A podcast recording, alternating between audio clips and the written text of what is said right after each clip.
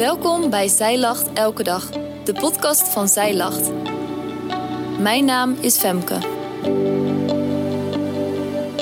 Dit is de overdenking van 14 november, geschreven door schrijfster Jacomien van Urk.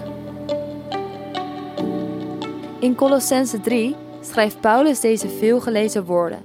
Zoek dan de dingen die boven zijn. Maar wat zijn deze dingen en waarom zou je ze moeten zoeken? En misschien nog wel een relevantere vraag: hoe kun je deze dingen van boven zoeken? Laten we dit gedeelte in Colossense 3 regel voor regel langsgaan en ontdekken wat de betekenis is voor ons. Paulus begint de tekst van Colossense 3 vers 1 met een belangrijke voorwaarde. Hij zegt als. Hiermee zegt hij eigenlijk alleen de mensen voor wie het volgende van toepassing is, kunnen ook de woorden hierna begrijpen en ontvangen. Welke voorwaarden stelt hij? Er staat: Als u nu met Christus opgewekt bent. Wat betekent het om met Christus opgewekt te zijn? Je gelooft en vertrouwt dan ook op het volkomen werk van de Heer Jezus voor jou persoonlijk. Hij is voor jou gestorven en opgewekt en hij leeft. Je hebt je oude leven afgelegd, bent met Christus gestorven en opgestaan in een nieuw leven. Het is niet langer dat jij leeft, maar Christus leeft in jou. Hij heeft het voor het zeggen. Als dit voor jou geldt, dan heeft Paulus nog veel meer te zeggen. Het volgende wat Paulus zegt staat: Zoek dan de dingen die boven zijn, waar Christus is, aan de rechterhand van God. Bedenk de dingen die boven zijn en niet die op de aarde zijn. Als je iets zoekt, wacht je niet af tot het een keer verschijnt. Nee, als je echt op zoek bent, houd het je bezig en ga je net zo lang door totdat je het gevonden hebt. Paulus roept ons op om de dingen die boven zijn te zoeken. Wat is er boven te vinden? Christus, die aan de rechterhand van God zit. En wat doet Christus? Hij bidt, hij wacht en hij maakt zich klaar voor de bruiloft met zijn bruid.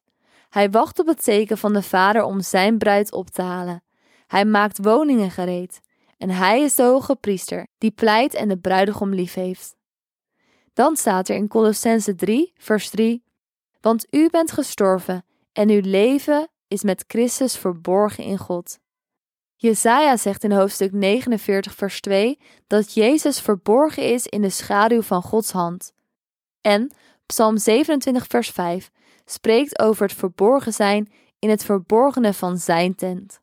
Zo mag je weten dat je met Christus verborgen bent in Gods zorg en bescherming. Jouw leven is veilig in Hem. Dat mag je hoofd omhoog laten heffen en je hoop geven voor de toekomst. En als laatste in Colossense 3, vers 4: Wanneer Christus geopenbaard zal worden, die ons leven is, dan zult ook u met Hem geopenbaard worden in heerlijkheid. Er komt een dag dat Christus geopenbaard zal worden in heerlijkheid. Dan zal elke tong beleiden dat Hij Heer is, en elke knie zal voor Hem buigen.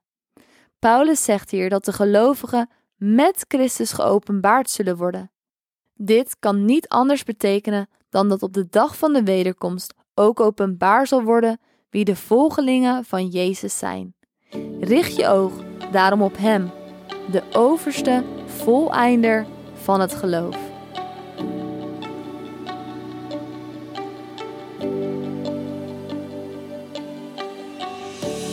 Dankjewel dat jij hebt geluisterd naar de overdenking van vandaag.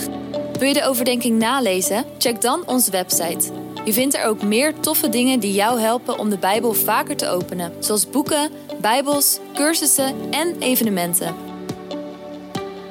Morgen ben ik weer bij je terug met een nieuwe overdenking. Tot dan!